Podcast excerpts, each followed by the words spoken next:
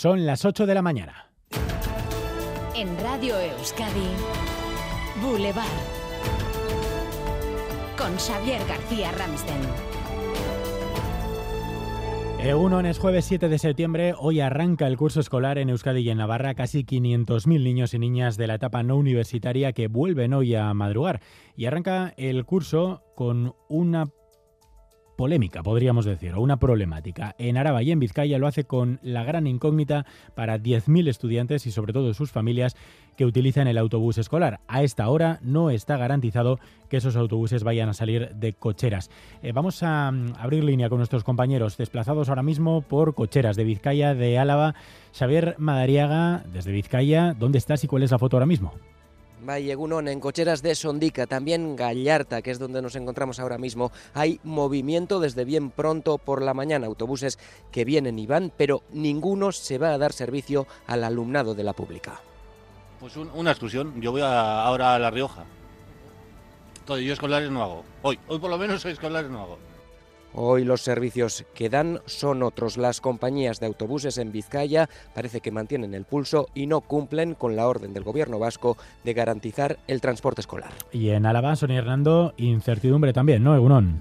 Sí, mucha, porque la media docena de empresas de transporte de Araba están metidas en el conflicto con el Departamento de Educación y aunque ayer los centros distribuían la circular del Gobierno asegurando que había transporte, las familias y el personal de los centros educativos no saben si hoy los autobuses van a pasar. 3.000 alumnas y alumnos aquí en Araba, especialmente en la zona rural, no tienen garantizado este servicio. Y en Guipúzcoa no hay conflicto, está solucionado. En Donostia, hace una hora hemos casi despertado en directo a Carlos y a Daniela, que hoy empiezan primero y tercero de eso. Eh, Laida Basurto, hemos desayunado con ellas. Ahora, ¿dónde estáis?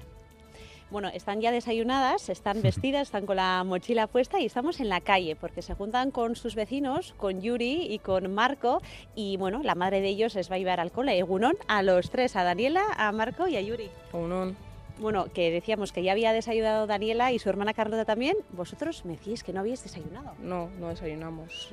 ¿No desayunáis? Merendamos fuerte. Fuerte. Luego almorzáis bien. Tenéis ya en la mochila. Eh, te veo bostezando, Yuri. Sí, mucho sueño. ¿Pereza? sí. ¿A ti, Marco? Sí, también. Bueno, con ganas, ¿cómo estáis? Cuando ya queda nada, media horita para entrar a clase. Pues con ganas de ver a los amigos, pero por lo demás, no muchas ganas. Eh, bueno, pues no sé. Eh, ¿Tienes ganas? Sí. ¿Y tú que llevas a cuarto de la ESO? Sí, pues volver otra vez. Volver otra vez es lo que toca, Xavier. Bueno, pues nada, ánimo, ¿eh? se les ve un poquito resignados, es lo que toca y todos hemos sentido lo mismo, así que nada, todo el ánimo del mundo. Gerarte, Laida.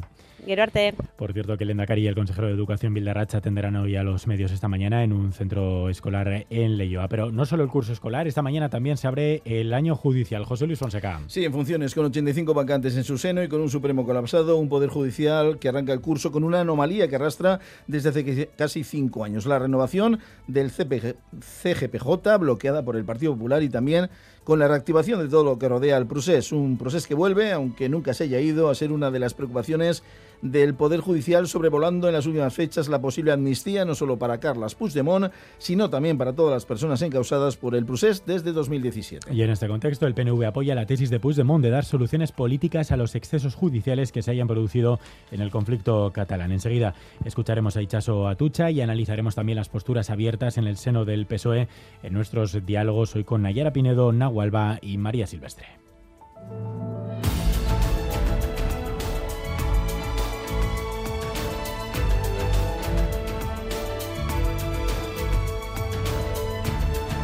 Y más titulares con Leire García. El PNV denuncia que Bildu utilizó judicialmente el caso Videgui tras el archivo de una de las causas. Archivo por parte de la jueza que no aprecia indicios de malversación en las obras del AP1 durante el gobierno foral anterior a 2014, el encabezado por el PNV. Escuchamos a Eider Mendoza, diputada general de Guipúzcoa, y Pello Chandiano, responsable de programa de EH Bildu. Y en política no todo vale. Yo le pediría a EH Bildu que abandonara definitivamente esta manera de hacer política. No tenemos la consideración de que estemos en una oposición frontal al PNV, ni mucho menos. Queremos hacer un debates políticos de altura. La ministra Calviño dice que se protegerán los intereses de la economía española tras la última operación anunciada por Telefónica. La compra de acciones por parte del gigante saudí STC, en total el 9,9% del total. Escuchamos a Nadia Calviño.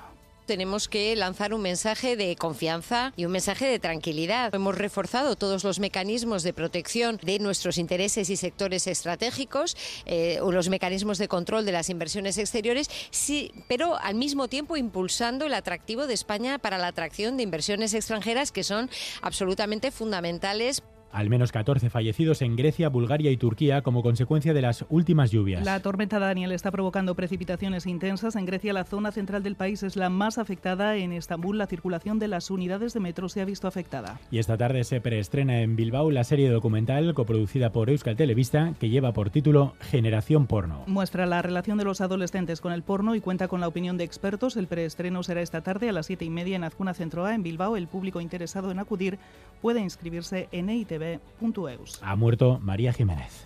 Una mano pide al cielo, la otra en el cajón del pan. Hay manchas de grasa, de llanto, de tinta, estoy harta de tanto frotar. Yo que soy tan guapa. Y... María Jiménez ha muerto esta noche con 50 años de carrera musical a sus espaldas. Cantadora, bailadora, actriz. Ha muerto a los 73 años en Triana.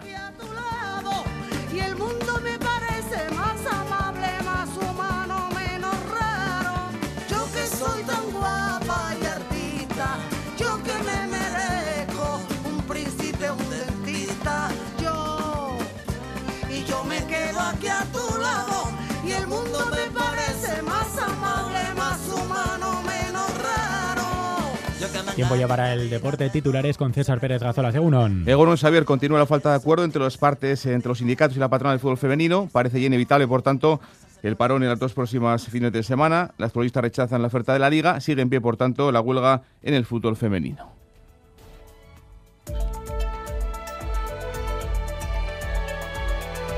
Boulevard. Tráfico. Vamos a repasar la situación actual de la red viaria. Parece que tenemos algunos problemas hasta ahora, Leire. Sí, problemas en Derio, en la Nacional 644, un camión averiado en sentido hacia el aeropuerto y en Navarra, en la Nacional 232 en Castejón, un motorista ha resultado herido tras el atropello de un búho. Indica la Policía Foral, piden precaución. Además, ampliamos esa última hora en el metro que les eh, dábamos en el informativo local. En Metro Bilbao hay retrasos en ambas líneas y en ambos sentidos, sin servicio en el tramo entre Echevarri y San Ignacio, según nos informa ahora mismo Metro Bilbao. Vamos a acercarnos al metro. Ahí está nuestra compañera Saray Pérez. Según Saray. Javier. Cuéntanos, ¿qué, ¿qué sabemos? ¿Qué ha pasado? Pues, mira, parece que ahora van a avisar algo por la telefonía. Están diciendo que por problemas. Lo cierto es que estábamos dentro del metro cuando hacia las 8 menos 20 ha habido un fallo de luz. El tren ha perdido potencia y se ha ido la luz dentro del tren. Nadie ha dicho nada, pero al de unos minutos hemos oído voces, hemos salido del tren y hemos visto que dentro de la estación había algo de humo y que tanto el metro dirección Cabezas como Basauri estaban parados. La desinformación ha sido grande. He visto a una señora de seguridad, me ha acercado y al parecer ha sido un problema en el suministro eléctrico hacia los trenes, lo que ha causado la, avería. Hace unos 10 minutos el metro de dirección Cabezas ha logrado salir, sin embargo el dirección Basauri sigue estacionado en la estación y por lo que han dicho ahora mismo parece que la avería va para largo, así que paciencia. Pues seguimos eh, pendientes. Saray Pérez en directo informando desde el metro de Bilbao. Boulevard. BRTA, Alianza Vasca de Investigación y Tecnología, te ofrece el tiempo. Euskalmet, Javier Emunarri, Egunon. Caixo Egunon, seguimos sin cambios significativos, así que hoy vamos a seguir hablando de calor, sobre todo en la vertiente cantábrica. Y es que el viento del sur mantendrá otro día más las temperaturas máximas en torno a los 30 grados, con sensación de bochorno, especialmente en el norte. Después por la tarde entrará algo de brisa en la costa, aliviando en esta zona algo el calor. En el cielo, eh, algo más de nubosidad que ayer, principalmente van a ser nubes medias y altas, pero en general vamos a seguir con un ambiente claro y a lo largo de la tarde no se descarta que puedan formarse algunas nubes de evolución, con produciéndose algún chubasco aislado, pero sería pu- muy puntual. En general, por la tarde seguiremos con un ambiente seco y estable. Por tanto, hoy otro día de calor y bochorno. Vamos a repasar las temperaturas. Hasta ahora tenemos 23 grados en Donostia, 21 en Bilbao y Bayona, 20 grados en Gasteiz, 16 grados en Iruña. Eh, y vamos a conectar también con Guecho porque hay eh, una preocupación estos días y es que ha llegado o se está detectando presencia de polvo del Sáhara en nuestras ciudades. En Bilbao y en Donostia han recomendado ya que no se haga deporte al aire libre a ser posible y en Guecho es donde encontramos ahora mismo uno de los niveles más altos. La unidad móvil de Radio Euskadi lo está comprobando Natalia Díaz, Egunon.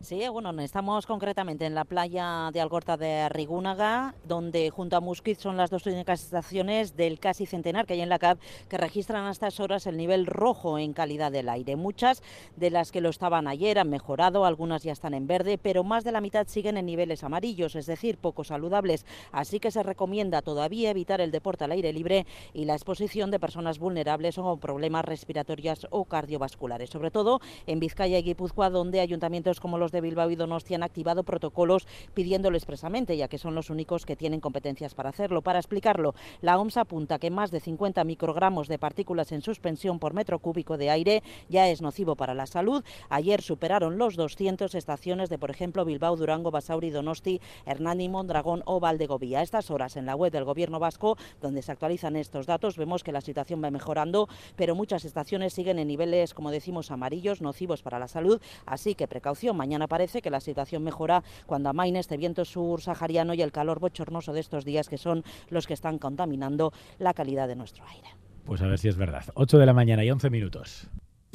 Pequeñas y medianas empresas, ¿sabéis que podéis innovar en vuestros productos y procesos y que para ello tenéis a vuestra disposición 17 centros de BRTA? Porque innovar es cuestión de carácter, no de tamaño. BRTA, Alianza Vasca de Investigación y Tecnología. Gobierno Vasco, Euskadi, bien común. Ayúdanos a mejorar nuestra información con tus comentarios, fotos y vídeos. Envíalos al WhatsApp de Radio Euskadi 688 840 840.